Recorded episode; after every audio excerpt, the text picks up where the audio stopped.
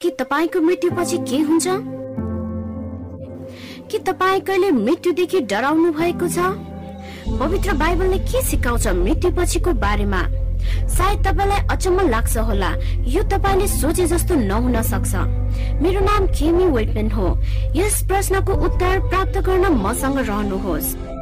अन्तर्राष्ट्रिय महामारीको उदय ग्लोबल राजनीतिक ध्रुवीकरण कुप्रबन्धन र भ्रष्टाचार। कोरोना भाइरस बारे अस्ट्रेलियाको जङ्गलमा लागेको आग यो सबै एक चेतावनी यो सबैको अर्थ के हो? भविष्यमा के हुन्छ? अन्तर्राष्ट्रिय वक्ता ज्ञान वेटम्यानसँग जोडिनुहोस्। बाइबलको भविष्यवाणी खोल्ने कार्यक्रममा किनकि उहाँको विश्व भ्रमणमा उहाँले वास्तविक जीवनको सङ्घर्ष आफ्नै आँखाले देख्नु भएको छ। तर उहाँले यो सब सङ्घर्षको बिचमा आशाको चमत्कार पनि देख्ने मौका पाउनु भएको छ। जोडिनुहोस् क्यान वेटम्यानसँग बाइबलका भविष्यवाणीहरूको रहस्य खोल्ने कार्यक्रममा जहाँ उहाँले बाइबलका भविष्यवाणीहरू कसरी पुरा भइरहेको छन् भनेर देखाउनु हुनेछ। पहिलेभन्दा कति छिटो पुरा भइरहेको छ भनेर तपाईँले थाहा पाउन सक्नुहुनेछ। यस प्रस्तुतिको निरन्तर श्रृङ्खलाले तपाईँलाई बाइबलको भविष्यवाणी राम्रोसँग बुझ्न सहायता गर्छ र संसार कता गइरहेको छ भन्ने बारेमा पनि। पहिलेको प्रस्तुतिहरू हेर्न तपाईँ एडब्लुआर डट अर्ग स्ल्यास बाइबलमा जान सक्नुहुन्छ र थप अध्ययनको लागि केही शक्तिशाली संसाधनहरू फेला गर्न सक्नुहुन्छ। मलाई आशा छ हिजोको प्रस्तुति नक्कलीबाट तपाईँले केही हौसला प्राप्त गर्नुभयो होला। हामीले देख्यौ त्यहाँ कुनै बाइबलीय प्रमाण छैन कि परमेश्वरको आराधनाको दिन परिवर्तन भएको छ। सबात दिनदेखि पहिलो दिन आइतबारमा भनेर। इतिहासले भन्दछ आइतबार आराधना केवल मानिसहरूले बनाएको संस्कृति मात्र हो। कन्स्टान्टिनले मूर्ति पूजकको सूर्य पुज्ने दिन र इसाईहरूलाई एकीकृत गराई एकै ठाउँ आइतबार आराधना गर्ने दिनमा ल्यायो। याद राखौ बाइबलको हरेक सत्यताको लागि शैतानसँग उसको नक्कल छ। परमेश्वरको व्यवस्था उहाँको चरित्र जस्तै हो। यो कहिले पनि परिवर्तन हुँदैन। आज राति हामी पत्ता लगाउने छौँ कि? भविष्यवाणीले के भन्दछ कि? मानिसहरूले मृत्युको बारेमा के विश्वास गर्छन्? के चिहान पछि पनि हामीले आशा पाउन सक्छौ त? मृत्युमा साँच्चै नै मानिसलाई के हुन्छ? मृत्युमा मानिसलाई के हुन्छ भन्ने प्रश्नको बलियो बाइबलीय उत्तर छ। प्रश्न सोध्नुहोस् र प्रार्थनाको उत्तर पठाउनुहोस् र साथै नहिचकिचाए तपाईँको सुझाव र प्रतिक्रिया च्याट बक्समा छोड्नुहोस्। आजै हामीलाई प्रतिक्रिया लेख्नुहोस्। तपाईँ कुन देशबाट यो कार्यक्रम हेर्दै हुनुहुन्छ? बिहानको विषयमा पढ्नुभन्दा पहिले आउनुहोस् प्रार्थना गरौँ। हे हाम्रो स्वर्गीय पिता संसारको राजा हाम्रो हृदयको राजा हामीलाई हृदय पवित्र आत्माले भरिदिनुहोस्। मेरो ओठलाई पवित्र वचनले अभिषेक गर्नुहोस्। हामी तपाईँलाई प्रेम गर्छौ। परमेश्वर येसुको महिमित नाउँमा प्रार्थना गर्दछु। आमेन। के तपाईँ मर्ने लागेको मानिसको छेउमा जानु भएको छ? अथवा जीवनको अन्तिम समयमा पुगेको बच्चाको छेउमा? यदि मृत्युको पर्दाले तपाईँलाई अलग गरिरहेको छ तपाईँको प्रेमिलो जीवनदेखि हुन सक्छ तपाईँ अचम्मित हुनुहुन्छ। तब जीवन यति मात्र हो त्यसपछि के जीवन छैन? हामी जन्मिन्छौँ जीवन चलाउँछौ अनि मर्छौँ। त्यसपछि के? समयको सुरुसँगै जीवन चक्र र मृत्युले मानिसको हृदयमा छेद छोडेको छ। आज राति हामी थाहा पाउनेछौ बाइबलले मृत्युको पर्दा हटाउँछ र मृत्युको राजलाई हल गर्छ। एफिसी पाँचको एघारले भन्दछ अनि अन्धकारका निष्फल कामहरूसँग संगति नगर तर बरु तिनको दोष प्रकट गरिदेऊ। यसुले हामीलाई बलियो प्रमाण दिनु भएको छ धर्मशास्त्रद्वारा ताकि हामीले अनुमान गर्न नपरोस् साथै छक्क र चिन्तित हुन नपरोस्। हामी थाहा पाउन सक्छौ र सत्यतामा ढाकिन सक्छौ। पहिलेको विचारलाई पञ्चाएर राख्ने कोसिस गर्नुहोस् जुन मृत्युको विषयमा हो। परमेश्वरको वचनलाई बोल्न दिनुहोस् बाइबलद्वारा तपाईँलाई बताउन दिनुहोस्। अब चाहे विश्वासी वा अविश्वासी सबैले मृत्युको विषयलाई फरक तरिकाले हेर्दछन्। केही धर्मले पुनः अवतार छ भने विश्वास गर्छन्। अनि कसैले भन्छन् मृत्यु नै जीवनको अन्त्य हो। चिहानपछि अर्को केही छैन। यदि तपाईँले धेरै इसाईहरूलाई प्रश्न गर्नुभयो जब तपाईँ मर्नुहुन्छ तब के हुन्छ भने तिनीहरू भन्छन् मानिसको आत्मा छ जो मृत्युपछि स्वर्ग वा नरक जान्छ। अनि कोहीले भन्छन् आत्मा पर्गेटरी अथवा बीचमा नै रोकिन्छ। के मृतकहरू निदाइरहेका छन्? पुनरुत्थानको पर्खाइमा जहिले यसो आउनुहुन्छ अथवा के तिनीहरू अहिले नै स्वर्गमा छन्? यदि तिनीहरू स्वर्गमा छन् भने कि आत्माको आँखा छ? कि आत्मा बोल्न सक्छ? कि आत्माको मुख र कान हुन्छ? यदि आत्माको मुख कान आँखा हुन्थ्यो भने हामीले त्यसलाई स्वर्गमा देख्न सक्थ्यौं। अनि किन आत्मा शरीरमा फर्कनु पर्थ्यो? त्यसैले त्यहाँ सबै प्रकारको दुविधात्मक प्रश्नहरू छन्। मानिसहरू साँच्चै नै अलमलमा छन् मृत्युको विषयमा। के आत्मा अविनाशी छ? अथवा के त्यहाँ पुनरुत्थान छ? यदि आत्मा अविनाशी हुन्छ भने त्यो स्वर्ग वा नरकमा तुरुन्तै मृत्यु पश्चात जान सक्थ्यो होला। यदि आत्मा अविनाशी हुन्छ भने मृतकले जीवितहरूसँग बोल्न सक्थ्यो। यसु ख्रिस्टको दोस्रो आगमनमा के हामीलाई यो दिइनेछ त? हाम्रो विषयले नै यसको उत्तर दिन्छ। यदि यो बाइबलमा छ भने म विश्वास गर्छु। यदि यो बाइबलसँग असहमत छ भने यो मेरो लागि होइन। एउटा सानो केटाको कथा छ जो चिहानतर्फ हिँडिरहेको थियो। एउटा ढुङ्गामा उसको आँखा पर्यो। उक्त ढुङ्गामा साथी अब अगाडि नजाऊ भनी लेखिएको थियो। आज तिमी जहाँ छौ म पनि कुनै बेला त्यही थिए। आज म जस्तो छु तिमी पनि चाँडै नै त्यस्तै हुनेछौ। त्यसैले मलाई पछ्याउन आफूलाई तयार गर। अनि त्यस सानो केटाले आफ्नो खल्तीबाट रङ्गीन पेन्सिल निकाल्छ अनि त्यस ढुङ्गामा लेख्छ कि तपाईँलाई पछ्याउन म कुनै सामग्री होइन। जबसम्म मलाई थाहा हुँदैन कि तपाईँ कहाँ जानुभयो। सबै समयको सबै युग जान्न चाहन्छ कि तपाईँको मृत्युपछि तपाईँ कहाँ जानुभयो। तर मृत्युको सामना कसरी गर्ने र साथमा नयाँ आशा र विश्वास गर्ने भनेर प्रकट गर्छ। प्रकाशको पुस्तकको पहिलो अध्यायले हामीलाई महिमित व्यक्ति यसुको बारेमा परिचित गराउँछ। उहाँले सेतो मैमित वस्त्र लगाउनु भएको छ। उहाँका आँखा आगोको ज्वाला जस्ता छन्। प्रकाश एकको अठारमा यसुले आफ्नो परिचय दिनुहुन्छ। अनि जीवित म नै हुँ म मरेको थिएँ अनि हेर म सदा सर्वदाका निम्ति जीवित छु। आमेन। अनि नरक र मृत्युका चाबीहरू मसँग छन्। यसुले मृत्युमाथि विजय प्राप्त गर्नुभयो। त्यसैले उहाँले चिहानको साँचो राख्नुहुन्छ। कुनै विश्वासी जो यसुमा मर्छन् वा आराम गर्छन् उनीहरूले पुनरुत्थानको लागि आशा गर्न सक्छन्। तर कसैले भन्छन् बाइबलले के सिकाउँछ? अविनाशी आत्माको बारेमा। आउनुहोस् पहिले उत्पत्तिदेखि सृष्टि गरिएको हप्तासम्म जाउँ। सुराग पत्ता लगाउन कि के हुन्छ जब मानिस मर्छ भनेर? सायद सृष्टिमा के भयो भने हामीले बुझ्यौं भने हामीले केही बुझ्न सक्छौ कि के हुन्छ जब हामी मर्छौ भन्ने बारेमा। बाइबलले उत्पत्ति दुईको साथमा भन्दछ कि परमप्रभु परमेश्वरले मानिसलाई जमिनको माटोबाट रच्नुभयो अनि तिनको नाकको पालहरूमा जीवनको सास फुकिदिनु भयो र मानिस जीवित प्राणी भयो। याद गर्नुहोस् यी तीन विशेष कुराहरू परमेश्वरले मानिसलाई माटोबाट रच्नुभयो। र नाकको पालहरूमा जीवनको सास फोकिदिनु भयो अनि मानिस जीवित प्राणी भयो। परमेश्वरले अविनाशी आत्मा र आदमलाई राख्नुहुन्छ? होइन। बाइबलले त्यसो भन्दैन। त्यसको सट्टामा यसले मानिसलाई एउटा सूत्र प्रकट गराउँछ। माटो प्लस आत्मा बराबर जीवित प्राणी र अर्को तरिकाले भन्ने हो भने पृथ्वीको तत्व प्लस जीवनको सास बराबर जीवित प्राणी। जीवित आत्माको मतलब जीवित व्यक्ति हो। आदम जीव अथवा जीवित व्यक्ति भए। हेर्नुहोस् मसँग आत्मा छैन। म नै आत्मा हुँ। एक जीवित जीव एक व्यक्ति र त्यो तपाईँहरू पनि हो। हामी पत्ता लगाउन चाहन्छौ कि आत्मा भनेको के हो? र के यो अविनाशी छ र यो कहिले मर्दैन? एजिकेल चौधको चारले भन्दछ कि हेर सबै प्राणहरू मेरै हुन्।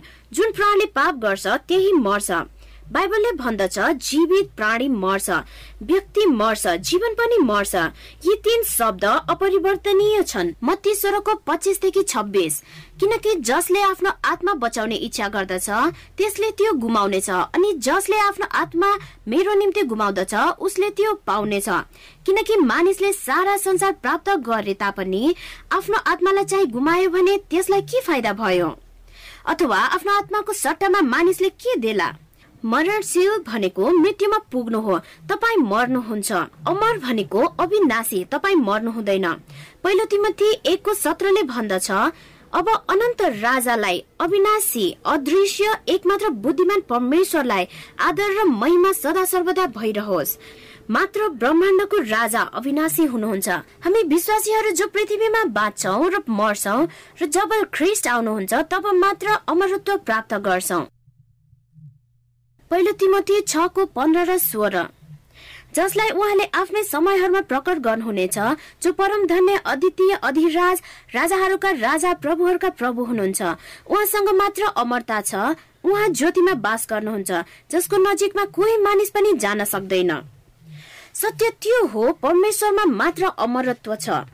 मूर्ति पूजा ग्रिक दर्शन शास्त्रले सिकाउँछ कि आत्मा अविनाशी हुन्छ। यो सबै मानिसले बनाएको शिक्षा मात्र हो कि आत्मा शरीरदेखि छुट्टै पनि बाँच्न सक्छ र यसको आफैमा जीवन छ। बाइबलले सिकाउँछ कि मानव जातिहरू एकीकृत एकाइ छन्। शारीरिक मानसिक र आत्मिक। यी तीन कुराहरू एक आपसमा छुट्न सक्दैनन्। यी तीन कुराले शरीरको निर्माण हुन्छ। आत्मावाद र नयाँ युगको दर्शन शास्त्रले सिकाउँछन् कि आत्मा अविनाशी छ। मानिसले बनाएको शिक्षाले आत्मालाई शरीरबाट छुट्याउँछ मृत्यु हुँदा। मानव तिनीहरू दुवै अलग्गै कुराहरू हुन्। आत्मावादले भन्दछ जब तपाईँको मृत्यु हुन्छ। तपाईँमा भएको सार अथवा आत्मा स्वर्गतिर जान्छ र माथि बस्छ र आत्मा फेरि तल फर्किन सक्छ अनि बाँचेकाहरूसँग कुरा गर्छ। साथीहरू तपाईँले देख्नुभयो र बुझ्नुभयो कि किन यो यस्तो भयानक विचार छ? सैतानले मृत्युको बारेमा यी झुट विचारहरू प्रयोग गर्न सक्छ हामीलाई धोका दिन र उसले गर्छ। जब परमेश्वरले आदमलाई सृष्टि गर्नुभयो उहाँले आफ्नो जीवनको सास फुकिदिनु भयो अविनाशी आत्मा होइन। बाइबलले के भन्छ पढ्नुहोस्। पहिलो कुरन्ती पन्ध्रको एकाउन्न र बाहन्न हेर म तिमीलाई एउटा रहस्य भन्दछु। हामी सबै सुत्दैनौ तर हामी सबैको परिवर्तन हुनेछ। आँखाको एकै निमेषमा तुरैको आखिरी आवाजमा किनभने तुरै बज्नेछ र मृतकहरू अविनाशी भएर जीवित हुनेछन्। मतलब अविनाशी धारण गर्नेछन्। र हामीहरू जो जीवित छौ परिवर्तन हुनेछौ। उत्पत्ति दुईको साथ अनि परमप्रभु परमेश्वरले भूमिको माटोबाट मानिस बनाउनु भयो र तिनको नाकको पालहरूमा जीवनको सास फुकिदिनु भयो र मानिस जीवित प्राणी भयो। मृत्युमा मानिस फेरि माटोमा नै फर्किनेछ। त्यो परमेश्वरले दिनुभएको सास वा शक्ति हो जुन परमेश्वरमा नै फर्कन्छ। त्यसो भए के हुन्छ जब मानिस मर्छ? त्यो के हो जुन परमेश्वर कहाँ फर्किन्छ? के यो रहस्यमय छ? सदा चाहिँ हामी बाइबलबाट यसको उत्तर लिनेछौ। उपदेशक बाह्रको साथ तब माटो जस्तो थियो त्यस्तै पृथ्वीमा फर्कनेछ अनि आत्मा परमेश्वर कहाँ फर्कनेछ जसले त्यो दिनुभयो। त्यसैले शरीर माटोमा जान्छ तर आत्मा परमेश्वर कहाँ नै फर्कन्छ र त्यो चेतनशील हुँदैन। परमेश्वरले प्रत्येक मानिसको अस्तित्व आफ्नो दिमागमा राख्नु भएको छ। पुरानो करारमा हिब्रू शब्द आत्मा भनेको रुवा हो जसको मतलब हो सास। त्यसैले आत्मा र सास एउटै कुरा हो। आत्मा र प्राण फरक छन्। परमेश्वरले मानिसलाई जमिनको माटोबाट बनाउनु भयो जुन उसको शरीर हो। परमेश्वरले मानिसमा जीवनको सास फुकिदिनु भयो त्यो रुवा हो। रुवा हिब्रू शब्द हो जसको मतलब सास हो। अनि मात्र मानिस जीवित प्राणी भयो। जब मानिसको मृत्यु हुन्छ शरीर माटोमा नै फर्किन्छ। आत्मा वा सास जीवनको शक्ति परमेश्वर कहाँ नै जान्छ। जीवनको शक्ति परमेश्वर कहाँ नै फर्किन्छ। अयुब सत्ताइसको तिनले देखाउँछ। सास र आत्मा एउटै हो। जबसम्म मेरो सास म भित्र रहला र परमेश्वरको आत्मा मेरो भित्र रहला। परमेश्वरको आत्मा नै सास हो। त्यो कुनै भूत आत्मा हाम्रो नाकबाट आउने होइन। उदाहरणको लागि बिजुली बत्ती। म कुनै कोठामा बत्ती बाल्न चाहन्छु भने मलाई बिजुली बत्ती आवश्यक पर्छ। मलाई एउटा राम्रो बिजुली बत्तीको आवश्यक पर्छ। बिजुली बत्तीले मानिसको शरीरको संकेत गर्दछ। बिजुली बत्तीलाई शक्ति चाहिन्छ। बिजुली बत्तीले मात्रै उज्यालो दिँदैन। त्यसको लागि मलाई करेन्ट आवश्यक पर्छ। त्यसैले करेन्ट र त्यसको शक्तिले परमेश्वरको सासलाई संकेत गर्दछ। बिजुली बत्तीमा शक्ति करेन्टले दिन्छ। त्यसपछि बत्तीले ज्योति दिन्छ। त्यसै गरी परमेश्वरको सास जब आदमको शरीरमा गयो त्यसपछि आदम जीवित भयो। जब तपाईँ करेन्ट फेरि अफ गर्नुहुन्छ के हुन्छ? शक्ति फेरि जान्छ। त्यसै गरी हाम्रो पनि सास बन्द हुन्छ। हाम्रो हृदयको धड्कन पनि बन्द हुन्छ।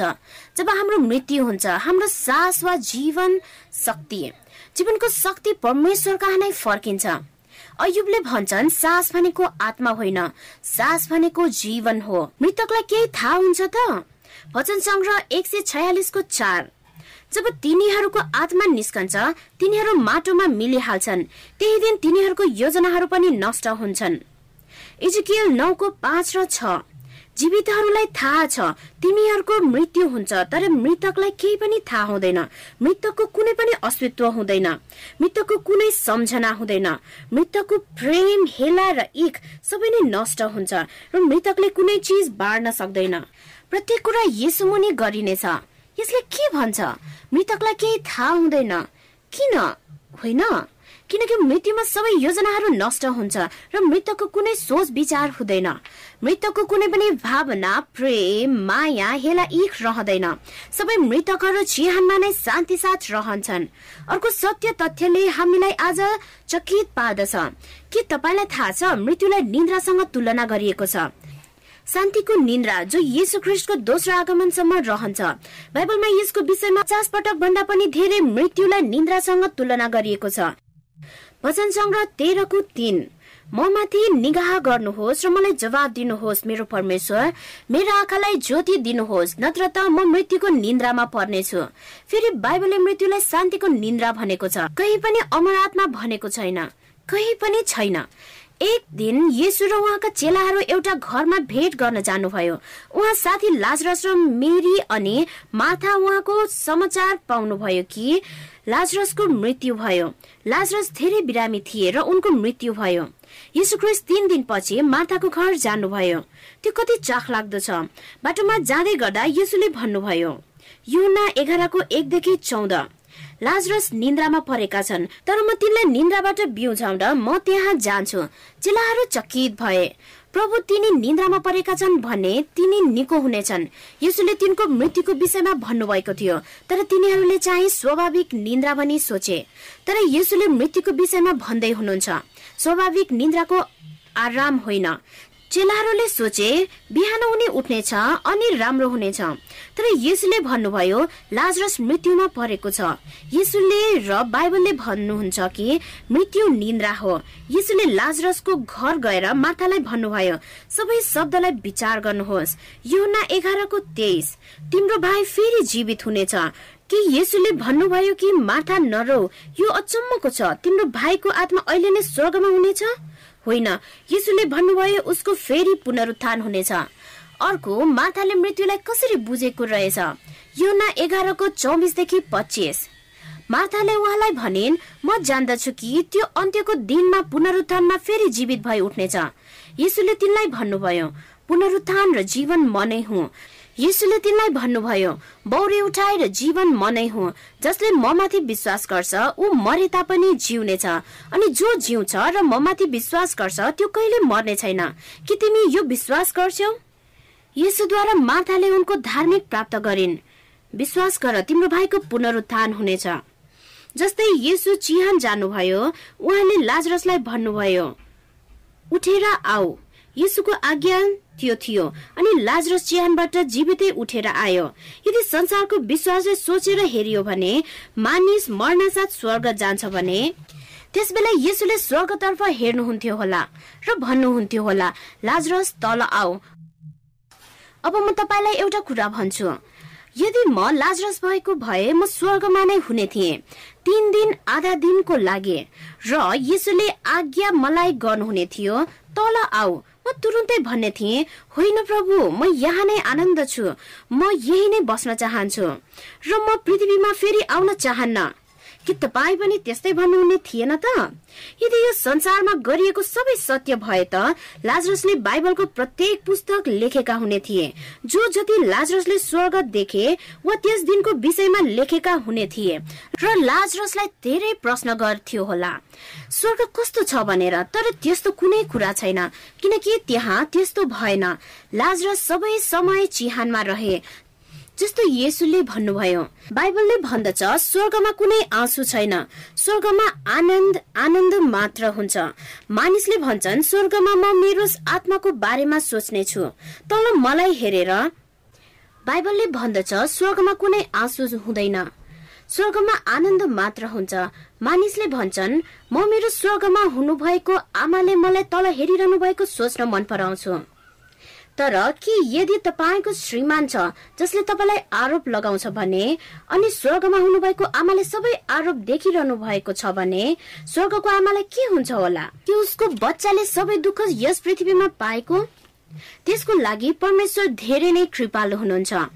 अयोग चौधको एक्काइसमा भनिएको छ त्यसका छोराहरू मान पाएर आदरणीय बने तापनि त्यसले चाहिँ थाहा पाउने छैन।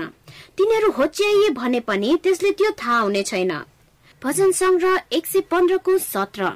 मरेकाहरूले परमप्रभुको स्तुति गर्दैनन् न त तल सुनसान मित्र जानेहरूले नै गर्दछन्। मरेकाहरू सिधा स्वर्ग जाँदैनन् किनकि यदि मरेका स्वर्गमा जाने भए परमेश्वरको प्रशंसा गर्न हामीलाई यो संसारमा ल्याउनु हुने थिएन। बाइबलमा आत्मा भन्ने शब्द सोह्र सय पटक भनिएको छ।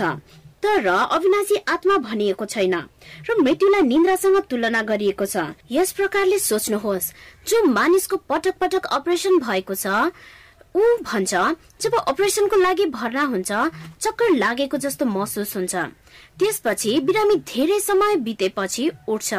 कहिलेकाहीँ बिरामी अपरेसन पछि उठ्दा ऊ राम्रोसँग देख्न सक्दैन र शरीरमा दुखाइ महसुस गर्छ। र बिरामीलाई अचम्म लाग्छ कि भर्खरै के भयो भनेर। र उसले पछि मात्र थाहा पाउँछ उपचारको कोठामा छ। जब उसको दिमागले काम गर्छ उसले त्यस समयमा बेहोस र दुखाइ सामना गरिरहेको थिए भन्ने थाहा हुन्छ। त्यस बेला उसले चक्कर र दुखाइको सामना गरिरहेको हुन्छ। के समय पछि ऊ ठिक हुन्छ। र बिरामी मानिस फेरि समय नभएसम्म सुतिरहन्छ। त्यसले व्याख्या गर्दछ कि मृत्यु के हो? मानिसको मृत्युमा ऊ मरेको छ भने महसुस गर्दैन। अर्को समय महसुस हुन्छ। जब यीशु क्रिस्टको दोस्रो आगमनमा अब क्रुसमा टाँगिएको चोरलाई के हुनेछ त? लुका तेइसको बयालिस र त्रिचालिस। अनि उसले यसुलाई भन्यो हे प्रभु जब तपाईँ आफ्नो राज्यमा आउनुहुन्छ तब मलाई सम्झिदिनुहोस्। अनि यसुले उसलाई भन्नुभयो म तिमीलाई साँच्चै भन्दछु आज नै तिमी मसँग स्वर्गलोकमा हुनेछौ। यीशुले त्यसलाई त्यसै दिनदेखि स्वर्गमा हुनेछ भन्नु भएन किनकि यसु ख्रिस्ट पनि त्यसै दिनमा स्वर्ग जानु भएन। याद गर्नुहोस् यीशु मृत्युपछि चिहानमा गाडिनु भयो पुनरुत्थानको बिहान युना बिसको सत्र। यसुले भन्नुभयो म अहिलेसम्म पिता कहाँ गएको छैन? त्यसैले हामी कसरी बुझ्ने कि यसुले त्यो चोरलाई के भन्नुभयो? यसुले त्यो चोरसँग के भन्नुभयो त? त्यो क्रुसमा टाँगिएको दिनमा त्यो अन्धकार र हराएको दिन जहाँ उहाँले सबै कुरा घुमाएको जस्तो देखिन्थ्यो। तिमी मसँग स्वर्गमा हुनेछौ भने उहाँले प्रतिज्ञा गर्नुभयो। चोरको क्रुसमा आशाको साथ उसको मृत्यु भयो जो अनन्त जीवन उसले पाउनेछ जस्तै अरू परमेश्वरका छोरा छोरीहरू जो पुनरुत्थानको लागि उठ्छन् यसुको दोस्रो आगमनमा। याद राख्नुहोस् बाइबलको धर्मशास्त्रमा ग्रिक भाषा विराम चिन्ह बिना थियो र धेरै शताब्दीपछि राखिएको थियो।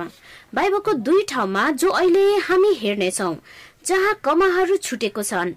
हामीले हेरेको पहिलो पद लुका तेइसको त्रिचालिस जहाँ कमा हटाएर एउटै शब्दमा भएको छ। बाइबललाई पुरै मेल गराउन। पदले भन्छ आज म तिमीलाई भन्दछु। तिमी मसँग स्वर्गमा हुनेछौ र अर्को ठाउँमा कमा छैन। प्रेरित उन्नाइसको बाह्र किङ जेम्सले भन्छन् बिरामीको रुमाल उसको शरीरबाट छुवाएर बिरामी कहाँ लगिन्थे र तिनीहरूका शरीरबाट रोग जान्थे। अब कमा राखेर हेरौँ। त्यसैले कि रुमाल कमा अथवा पछ्यौरा तिनको शरीरबाट निकाली बिरामीहरू कहाँ लगिन्थ्यो? रुमाल वा पछ्यौरा र तिनीहरूको शरीरबाट रोग जान्थ्यो। कमालले सबै फरक पार्छ।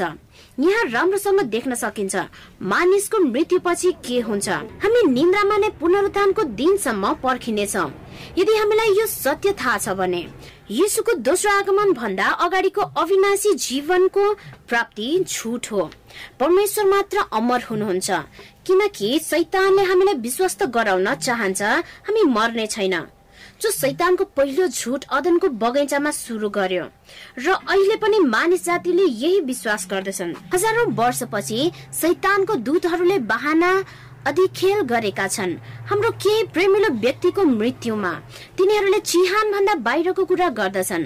सैतानको झुटमा विश्वास हामीलाई गराउँछन्। सैतानको पहिलो झुटमा नजाऊ किन सैतान चाहन्छ? त्यसमा विश्वास होस्। मृतकहरू जीवित छन् र मृतकसँग कुरा गर्न सकिन्छ। त्यसैले सैतानका दूतहरूले मृतकको अवतार लिन्छन् र धेरै मानिसहरूलाई बहकाउँछन् र सत्यदेखि टाढा लान्छन्। यहाँ धेरै च्यानल छन् जसद्वारा सबैले विश्वास गर्छन्। जुन च्यानलबाट सैतानले सबै आत्मालाई बाँधेको छ। त्यसको आवाज पटक पटक सुनिनेछ र सैद्धान्तिक शक्ति मानिसमा जान्छ। पहिले यसको सुरुवात सरल हुन्छ। बिस्तारै जान्नेछन् कसरी विद्या लिने हो। त्यस विद्याबाट उम्किन सक्दैनन्। त्यसको परिणाम मानिसले भोग्नु पर्छ त्यो शैतानको एउटा बहकाउ हो। शैतानलाई थाहा छ सत्यलाई प्रेम गरेमा त्यो आत्माले मुक्ति प्राप्त गर्छ। त्यसैले शैतानले निरन्तर असत्य समाचार सत्यको साटो राख्छ र सबै सुसमाचारमा असत्य हालिदिन्छ र हामी त्रसित हुनेछौँ। हाम्रो पहिलो सुरुमा जो साह्रै नै सुन्दर देखिन्छ तर पछि त्यसको कार्यले नराम्रो परिणाम ल्याउँछ। शैतानले आफूलाई नम्र भएको परिचय दिन्छ जो प्रेमिलो छ। उसले भन्छ म एउटा घर जाँदैछु जो कोलारोडो छ। एउटा प्रख्यात रिसोर्टमा पर्छ। पछि सबै रमाइलो साटासाट पछि मैले यतिकै भने परमेश्वरले तपाईँलाई आशिष दिनुभएको छ। उसले भन्छ होइन माता परमेश्वरले। उसको सबै शरीर काँप्छ। अर्को दुई घण्टासम्म निरन्तर राम्रो कुरा हुँदैन। मलाई थाहा छ त्यस समय प्रार्थना गर्नुपर्छ। मेरो स्वर्गको पितासँग सत्य वचनको लागि र परमेश्वर त्यहाँ आउनुहुनेछ। निकले माता परमेश्वरमा आफ्नो जीवन अर्पेको रहेछ सानै उमेरमा। उसले आफ्नो सबै अन्ध कुरा भन्यो इसाईहरू मेरा दुश्मन सैतानले बनायो हामी विपरीत पक्षमा थियौं। म माता परमेश्वरको सैनिक हुँ र अहिले उसलाई उत्तर दिए तपाईँ र म एउटै परमेश्वर सर्वशक्तिमानको सैनिक हौ। त्यस बेला केही समय शान्त भए। अनि मैले भने निक तिमी मेरो दुश्मन होइनौ तर सैतान हो। बाइबलले भन्दछ सैतानसँगको लडाईँमा विजय प्राप्त गर। हाम्रो बातचितको काटछाट हुनेछ किनकि यो बिहानको समय थियो निक र मलाई। त्यो योजना स्वीकार भयो उनले प्रार्थना गर्न सुरु गर्नुभयो। निक आफ्नो कुरा निरन्तर भन्नुभयो। म मेरो जीवनभरि नै यात्रा गरिरहे क्रिस्चियनहरूको सत्यानाश गर्न। यो चाँडै होस् भन्ने इच्छा थियो। एक वर्ष पहिले देवीले एक एक गरी सुझाव मलाई दिन्थे। मेरो सफ्टवेयर कम्पनीको यो कार्यको लागि भयो। त्यसले मलाई धनी र सफलता गरायो। त्यो देवी छिट्टै निस्किनु भयो अनि पृथ्वीमा खडा भयो। उसले निरन्तर गरिरहेछ किनकि मैले आफ्नो जीवन उसलाई दिएको थिएँ। मेरो बाल्यकालमा नै मसँग उनलाई पछ्याउनु भन्दा अरू उपाय थिएन। निकै मैले तिनीहरूसँग स्वतन्त्र छलफल गरिरहे। मृत्युपछि के हुन्छ? सत्य के हो? र शैतानको निर्णय के हो? आज तपाईँ र म त्यस्तै कुरामा छलफल गर्नेछौ। म मेरो परमेश्वर प्रति प्रेम भन्ने छु जो मेरो सर्वशक्तिमान व्यक्तिगत परमेश्वर हुनुहुन्छ जसले मलाई संरक्षण र सबै कुरा उपलब्ध गराउनु हुनेछ जहाँ उसले व्याख्या गरिरहेको थियो उसको विचार परमेश्वरको पीडा र क्रूर अन्तर्क्रिया भयो। उसले मलाई जीवनको धेरै भन्यो। ऊ कसरी एउटा मरेको परिवारमा थियो। जो उसँग कुरा गर्दा देखा हुने थियो तीन पटक जब देखा पर्छ उसलाई भूत आत्माले जहिले पनि दुःख पीडाले सताउँथ्यो। मृतकलाई केही पनि थाहा हुँदैन म बाइबलबाट भन्न सक्छु। तर कसरी शैतानको दूतहरूले नकल गरी दुःख दिन्छन्। मैले निकलाई भने परमेश्वरले मात्र सबै भूत आत्मादेखि छुटाउन सक्नुहुन्छ। म तिमीलाई अनुरोध गर्छु मात्र तिमी घुँडा टेकी परमेश्वरसँग माग्नु। किनकि परमेश्वरले सक्नुहुन्छ। निक उहाँले तपाईँलाई ख्याल गर्नुहुन्छ। परमेश्वरलाई सबै अर्पण गरिदेऊ र कोसिस गर। निकले भन्यो मैले मेरो जीवनभरि नै कोसिस गरिरहेको छु। क्रिस्चियनहरूलाई नष्ट पार्न र यो चाँडै हुनेछ र यो देवी छिट्टै निस्केर पृथ्वीमा खडा हुनेछ। मैले भने हो म बाइबलको भविष्यवाणीमा विश्वास गर्छु। मलाई भन्नुहोस् जो बाइबलको सत्यलाई इन्कार गर्दछन् के दोस्रो आगमन भन्दा पहिले तिनीहरू सतावटमा पर्नेछन्? के यसोको दोस्रो आगमनमा सतावट हुन्छ? विश्वासीहरू चाहिँ अनन्त जीवन प्राप्त गर्नेछन् स्वर्गमा। म उसपट्टि फर्किएर सोधे। त्यसैले निक तिमी कता छौ त? एकछिन निक चुप लागे र भने साँच्चै मैले यो कुरा सोचेको थिइनँ र मेरो देवी माताले पनि अन्तिम कुरा भनेको छैन। म देवी मातालाई यो प्रश्न गर्नेछु। निकको चासो बढ्दै गएको थियो र उसले मेरो सामु अनौठो कुरा गर्यो। र निकले बोल्दै भन्यो मैले केही बुझिन। के तपाईँले मलाई तपाईँले पाउनु भएको ज्योति र शक्तिबाट निकाल्नुहुन्छ त? मैले निकको आँखामा हेरेर मुसुक्क हाँसे अनि भने निक तिमीले पनि यसुलाई प्राप्त गर्न सक्छौ। साथीहरू हामी महान विवादको बीचमा छौँ। महान विवादको लडाईँमा हामी छौँ। यो संसारमा अब थोरै मात्र समय बाँकी छ। छिट्टै सैतान पूजकको पनि समय छोटो छ। शैतान र त्यसका दूतहरूले नक्कली सन्देश बाँड्नेछन्। शैतानको शब्द भन्नेछन्। अर्को शब्दमा शैतानका दूतहरूले मृतक आफन्तको रूप लिनेछन्। तिनीहरूको आश्रय प्राप्त गर्न। जो जतिले त्यस्ता कुराहरू खुलाउँछन् जब त्यससँग जोडिनेछन् जीवितले मृतकसँग कुरा गर्नेछन् त्यो शैतानको प्रेरणादायी मन्त्र हुन्छ। जो मानिसले आफ्नो दिमागमा लिन्छन्। शैतानसँग शक्ति छ जो मानिसहरूमा जो आफ्नो मृतक साथीको रूप शैतान लिन सक्छ। उसको त्यो प्रतीक दुरुस्तै हुन्छ। रूप र शब्दहरू दुरुस्त नै हुन्छन्। र एउटै स्वर र आवाज कुनै फरक हुँदैन। त्यो साँचो शैतान आत्माको उदाहरण हो। तिनीहरू बाइबलको अगमवक्ता जस्तै देखिन्छन्। पहिलो समूह अठाइस इन्दोरकी मन्त्रतन्त्र गर्ने स्त्रीको कथा। जो स्त्रीसँग राजा साउले कुरा गरेका थिए। जो समूहको आत्मासँग कुरा गरिन्। पलिस्तीहरूको विरुद्धमा सल्लाह लिन त्यो कुरा गरिएको थियो किनकि अर्को दिन लडाई थियो।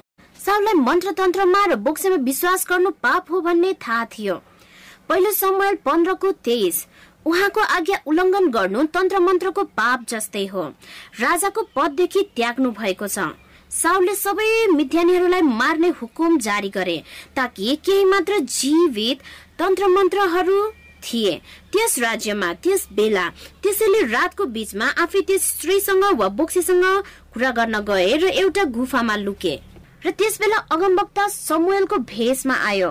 तर त्यो सबै शैतानको खेलद्वारा समूहल अगमवक्ताको रूप मात्र आएको थियो र त्यो वास्तविक होइन। र साउलले डरलाग्दो समाचार पाए। उनी अर्को दिन लडाईँमा मर्नेछन्। हामी यहाँ देख्न सक्छौ शैतानले एउटा तरिका मात्र लिएर मानिसलाई बहकाउँछ या धोका दिन्छ। मन्त्रतन्त्र पहिलेदेखि नै छ। धेरैले त्यसमा आशा पाएका छन् र स्वर्गमा सबै सुख पाएका छन् भन्छन् र कुराको दुःख छैन भन्छन्। त्यसै शैतानको कुरामा मानिसहरू विश्वास गर्दछन्। हाम्रो समयको लागि चेतावनी दिएको छ किनकि हामी अन्तिम वर्षको समयमा छौँ।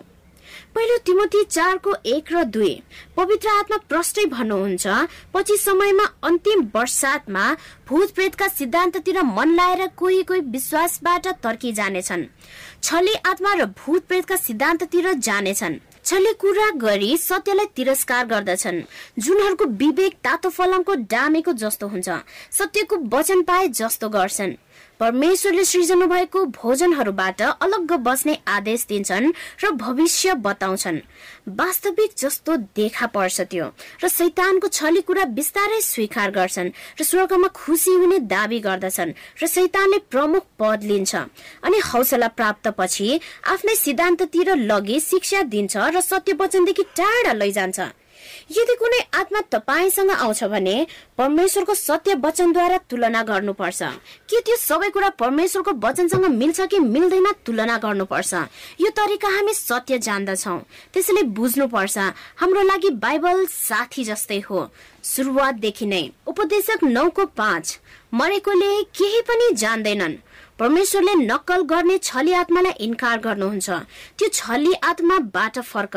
पहिलो कुरन्ती दसको बिसले भन्छ मूर्ति पूजकहरूले जो बलि चढाउँछन् त्यो परमेश्वरलाई होइन तर भूत प्रेतलाई चढाउँछन्। तिमीहरू भूत प्रेतसँग सहभागी हौ भन्ने म चाहन्न। त्यो सफा छ।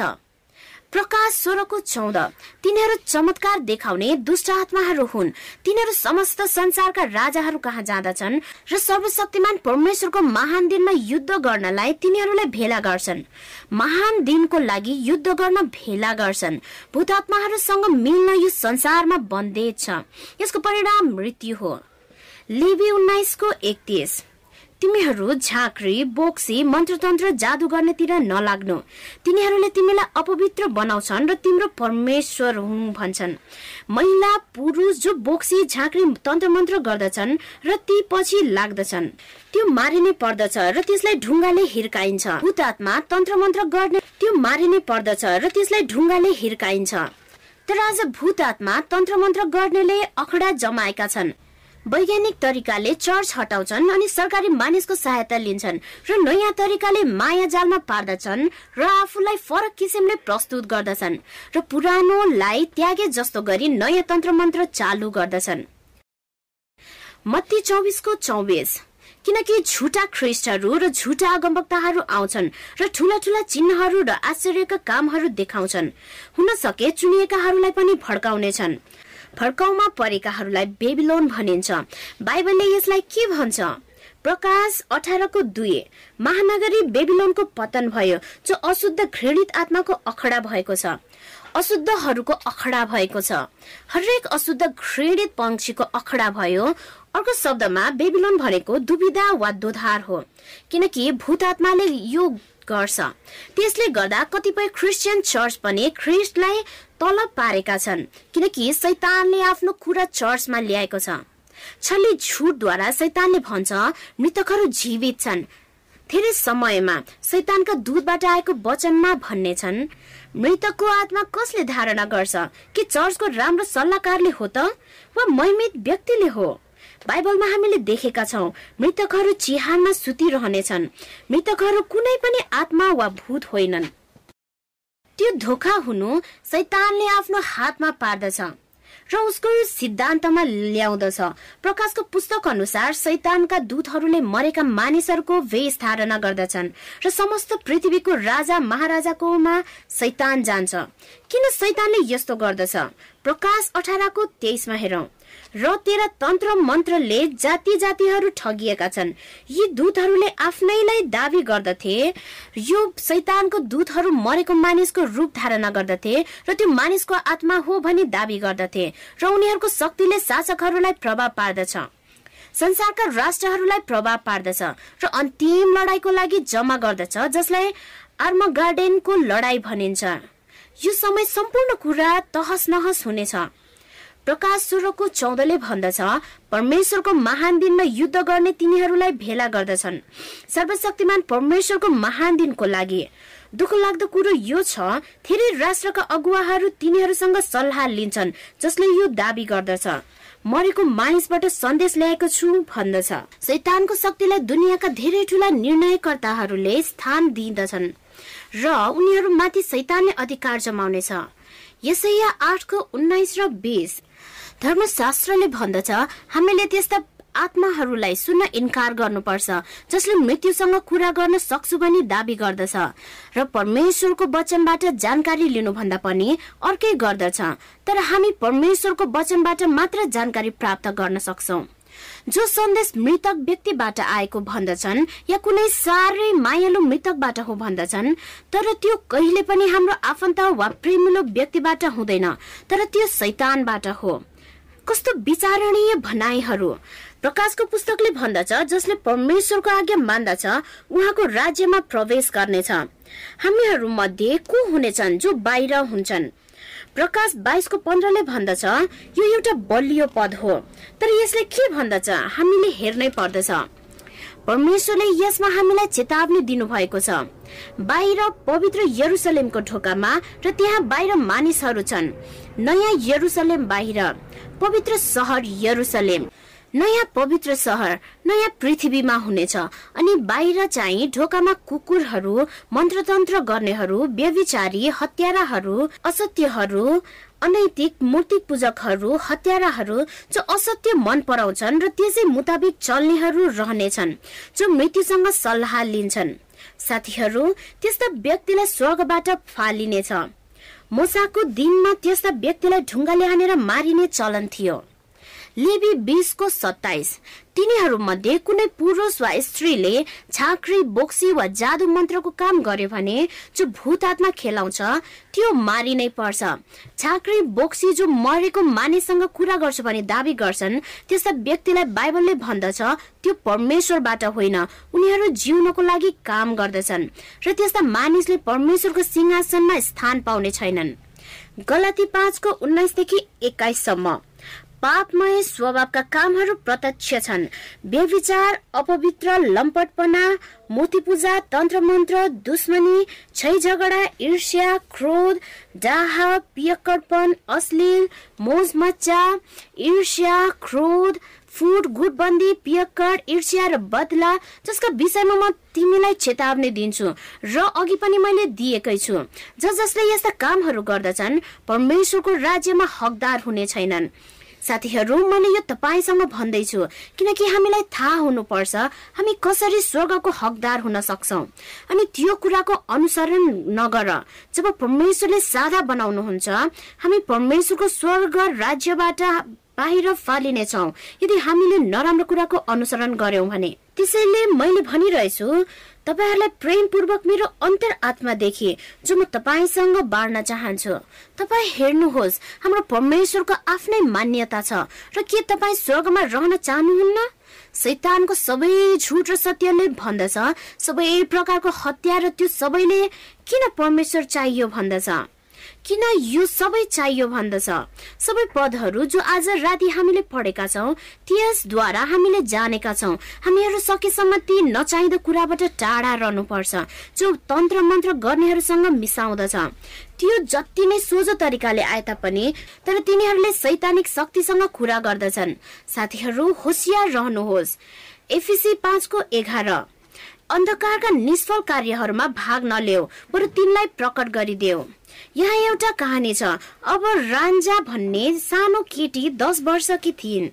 भूत प्रेतको आत्मा उनमा थियो। उसको आमा बुबाले मन्त्र तन्त्र गर्नेसँग देखाउन लगे र आफ्नो दसवटा गाई पनि उपचारको लागि बेचिदिए तर पनि केही भएन। अनि जब रान्जा सोह्र वर्षकी भइन् अर्को आत्मा उनमा आएको उनले चाल पाइन् र त्यो आत्मा पहिलेको भन्दा पनि खराब थियो। उनले त्यसलाई देख्न र सुन्न पनि सक्थिन् तर अरूहरू चाहिँ सुन्न मात्र सक्थे। जब उसको पहिलो बच्चाको जन्म भयो तब त्यस आत्माले उनलाई बोक्सी हुनको लागि भन्यो। तर उनले बोक्सी बन्न इन्कार गरिन्। जब उनले मानिनन् उनको सानो बच्चालाई बिरामी बनाएर मारिदियो। त्यसपछि उनलाई तनाव दिएपछि भूत आत्माको कुरामा ध्यान दिन लगायो। अनि उनले भनिन् यदि अर्को नौ महिनापछि फेरि अर्को बच्चाको जन्म भयो भने फेरि एउटा छोरीको जन्म भयो भने अर्को वर्ष उनी धेरै शक्तिशाली बोक्सी हुनेछिन्। उनीसँग यस्तो शक्ति हुन्छ भोलि बन्दुकको शक्ति बेकार हुन्छ र उनी त्यस आत्मा खेलाउनेहरू एउटा प्रमुख मेम्बर पनि हुन्छन्। त्यसैले उनी धेरै धनी पनि हुन्छन्। एक दिन सत्ताइस जना हतियार धारण गरेका चोरहरू उनको घर आउँछन्। ती चोरहरूले उनलाई केही हानि गर्ने कोसिस गरे तापनि ती सबै हतियार बोक्नेहरू उनको अघि कुनै शक्ति नभएका जस्तै हुन्छन्। उनीसँग गोहीको मुख बन्द गर्ने शक्ति पनि छ। जब अर्को आत्मा उनमा आउँछ उनलाई त्यस आत्माले खोलाको किनारमा लिएर जान्थ्यो अनि पानीभित्र लान्थ्यो जहाँ उनी प्रेत आत्मासँग रात दिन कुरा गर्न सक्थिन्। उनीसँग धेरै शक्ति भए पनि वा बिरामीहरू निको पारे तापनि र उनको हातले गोलीहरू रोके तापनि उनी दयनीय अवस्थामा थिइन्। एक दिन रान्जासँग कोही दुईजना जवान मानिसले भेट गरी भने हामी त सर्वशक्तिमान परमेश्वरको आराधना गर्छौ। यसले उनलाई चासो बढाउँछ अनि अर्को हप्ता रान्जा चर्च गइन् र उनी निरन्तर दयनीय भइन्।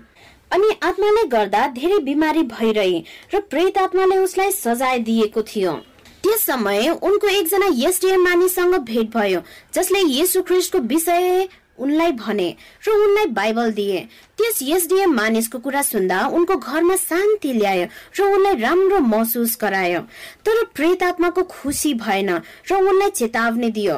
यदि उनले त्यस प्रेत आत्मालाई छोडिन् भने उनलाई धेरै नराम्रो हुनेछ। रान्जाले यसो ख्रिस्टलाई नै जे जस्तो भए पनि पछ्याउने विचार गरिन्। रान्जाको घर आगो लाग्यो। सबै कुरा आगोले जलायो। दैनिक प्रेत आत्माले उनलाई दुःख दिन्थ्यो। जब उनले तन्त्र मन्त्र गर्ने बोक्सी नै रहने विचार गरिन् त्यस समय केही कुरा भयो र जसले उनको जीवन सधैँको लागि परिवर्तन गर्यो। उनले एसडिए रेडियो कार्यक्रम पत्ता लगाइन्। दैनिक रेडियो सुन्दै गइन् र उनले विचार गरिन् उनलाई शक्ति येसुद्वारा प्राप्त भयो अनि येसु ख्रिस्टलाई नै पछ्याउने योजना गरिन्। त्यसको लागि जेसुकै पनि प्रेतसँग सामना गर्न उनी तयार भइन्। जब उनले एडभेन्टिस्ट वर्ल्ड रेडियो कार्यक्रममा प्रार्थना गरिन् त्यस प्रेत आत्माले उनलाई एक्लै छोडेर भागेछ। धेरै प्रार्थना बाइबल पढ्नाले र रेडियो कार्यक्रमद्वारा प्रेत आत्मा अब उनमा रहेन। र आज पनि परमेश्वरको स्वतन्त्र छोरी भएर जिएकी छिन्। र राजाले भन्छन् सबै सत्य स्वतन्त्र छ जो येसु ख्रिस्टद्वारा प्राप्त हुन्छ। मलाई याद छ जब म उनको आँखामा हेरिरहेको थिएँ उनी शर्माउँदै थिइन् र उनको आँखामा मैले येसु देख्न सके। अहिले उनी परमेश्वरको सत्य वचन प्रचार गर्छिन्। उनको सबै गाउँमा जहाँ कुनै दिन उनलाई तन्त्र मन्त्र गर्ने बोक्सी भन्थे अब उनलाई सबैले येसु ख्रिस्टको चेला भनी चिन्दछन्। सबै जसको विश्वास वचनमा हुँदैन सैतानले तिनीहरूलाई धोका दिन्छ र सैतान तिनीहरूसँग विजय हुनेछ। प्रकाश तिनको दसमा चेतावनी दिएको छ त्यो हामीहरूको अगाडि एउटा परीक्षा हो जो संसारमा आउनेछ। यो संसारमा रहनेहरूको परीक्षा हुनेछ। तर सैतानलाई त्यो सबै सुम्पेको छ साथीहरू। सैतानले नै त्यस परीक्षामा विजय हुनेछ र त्यस परीक्षामा सैतानले एक सेवकको कार्य गर्नेछ जसले परमेश्वरको वचनमा ध्यान दिन्छ बुद्धि र सत्यलाई पछ्याउँछ जस्तै तपाईँ आज राति गर्दै हुनुहुन्छ। सत्यलाई पन्छाएर आफ्नो आत्मालाई आज्ञाकारीद्वारा पवित्र पार्दै हुनुहुन्छ। तपाईँले पक्कै पनि परमेश्वरमा रक्षा पाउनुहुन्छ। उत्पत्तिदेखि प्रकाशसम्म परमेश्वरका बालकहरूलाई रक्षा गर्न स्वर्गदूत पठाउनुहुन्छ जस्तै आज भइरहेको छ। सोदमको ढोकामा लोतलाई बचाउन परमेश्वरद्वारा स्वर्गबाट स्वर्गदूत पठाइनु भयो आगोको ज्वालाबाट एलिया कहाँ परमेश्वरले स्वर्गदूत पठाउनु भयो जब एलिया चिन्ताले मासिने हालतमा थिए किनकि उनी मरुभूमिमा भोकै थिए। एलिया र उनका रथ र घोडाहरू सानो सहरमा आगोमा घेरिएका थिए जहाँ एलियालाई शत्रुद्वारा बन्द गरिएको थियो। स्वर्गदूत दानियल कहाँ पनि देखा परे दानियलले परमेश्वरको पुकारा र बुद्धि खोजी रहनु भएको थियो। एउटा अन्य जातिको अदालतमा वा मूर्ति पूजाको राज्यमा अथवा सिंहको खोरमा उनको खाना हुने भएपछि अथवा सिंहको खोरमा जब पत्रुस हेरोद नगरमा मारिन लागेको थियो फिलिपीको कैदीहरू पाल र उनको सहकर्मीहरू रातमा समुद्रको स्वभाव जस्तै कर्नेलियसको दिमागले सुसमाचार प्राप्त गर्नको लागि खोलिदिनु भयो र पत्रुसलाई मुक्तिको सन्देश दिनुभयो जो अरू अन्य जाति र आगन्तुकहरूलाई दिनुभयो। त्यसैले पवित्र स्वर्गदूत हरेक समय हुनुहुन्छ। यसो ख्रिस्टले धेरै छिट्टै स्वर्गबाट स्वर्गदूतहरू पठाउनुहुन्छ। उहाँका मानिसलाई रक्षा गर्नको लागि। त्यसै कारण अन्य आत्मालाई विश्वास नगर तर परमेश्वरमा विश्वास गर। शैतानमाथि विजय प्राप्त गर्न। के तपाईँले निर्णय लिनु भएको छ? आज नै यसु ख्रिस्टलाई पछ्याउन? त्यहाँ कुनै क्षण हुने छैन जो भुलिनेछ यीशुले तपाईँसँग लड्न स्वर्गबाट ठुलो सेना पठाउँदै हुनुहुन्छ। तपाईँ जहाँ भए पनि वा तपाईँले जे गरे तापनि परमेश्वरले तपाईँलाई उद्धार गर्नुहुन्छ। परमेश्वरले बन्धकहरूलाई छुटाउनुहुन्छ अनि शैतानमाथि विजय प्राप्त गर्नुहुन्छ। अशक्तलाई रक्षा गर्नुहुन्छ र कमजोरलाई रक्षा गर्नुहुन्छ। उहाँ तपाईँलाई दिनको लागि हाजिर हुनुहुन्छ। आउनुहोस् हामी सँगै प्रार्थना गरौँ। हे हाम्रो स्वर्गीय पिता तपाईँ हाम्रो ज्योति र मुक्तिदाता हुनुहुन्छ। तपाईँको बाटो जहिले पनि असल छ। जब हाम्रो मृत्यु हुन्छ हामी सुतिरहेका मात्र हुनेछौँ। तपाईँलाई धन्यवाद छ कि किनकि तपाईँले हाम्रो लागि साधारण वचन बनाइदिनु भयो परमेश्वर हरेक खतरादेखि सबैलाई बचाउनुहोस्। विशेष गरी कृत्रिम शिक्षाबाट। तपाईँको कारणले हामी डराउनु पर्ने छैन। हामी सबैले तपाईँमा सम्पूर्ण विश्वास राख्न सक्छौ। प्रभु येसुको पवित्र महान नाउँमा। अमेन साथीहरू हामी जान्न चाहन्छौ। यदि यो सन्देश तपाईँले आज बुझ्नु भएको छ भने के तपाईँले हामीलाई खबर गर्न सक्नुहुन्छ? यो बाइबलको सत्यता हुन सक्छ। के फरक लाग्यो होला। तपाईँले विश्वास गर्नु भएको भन्दा अर्को लागे तापनि जो तपाईँले आफै चर्चको भन्दा पनि अर्कै लाग्यो होला। त्यसैले यदि प्रश्नको उत्तर छैन भने तपाईँ आजै बाइबल पढ्न चाहनुहुन्छ भने हामीसँग बाइबल शिक्षक हुनुहुन्छ। तपाईँहरूलाई सहायता दिन। उनीहरूबाट प्रार्थना गर्न चाहनुहुन्छ भने तपाईँको प्रार्थनाको विषय हामीलाई पठाउनुहोस्। परमेश्वरले आशिष दिउन्। धन्यवाद छ हामीसँग बाइबलको भविष्यवाणीमा जोडिनु भएकोमा। फेरि मसँग भोलिको वचनमा जोडिनुहोस्। हामीहरूको टपिक हुनेछ परमेश्वरको उद्धार। यीशु ख्रिस्टको उद्धार बाहेक अर्को कुनै चोखो उद्धार छैन। परमेश्वरको बाटो अपनाउनुहोस्। शुभरात्रि साथीहरू।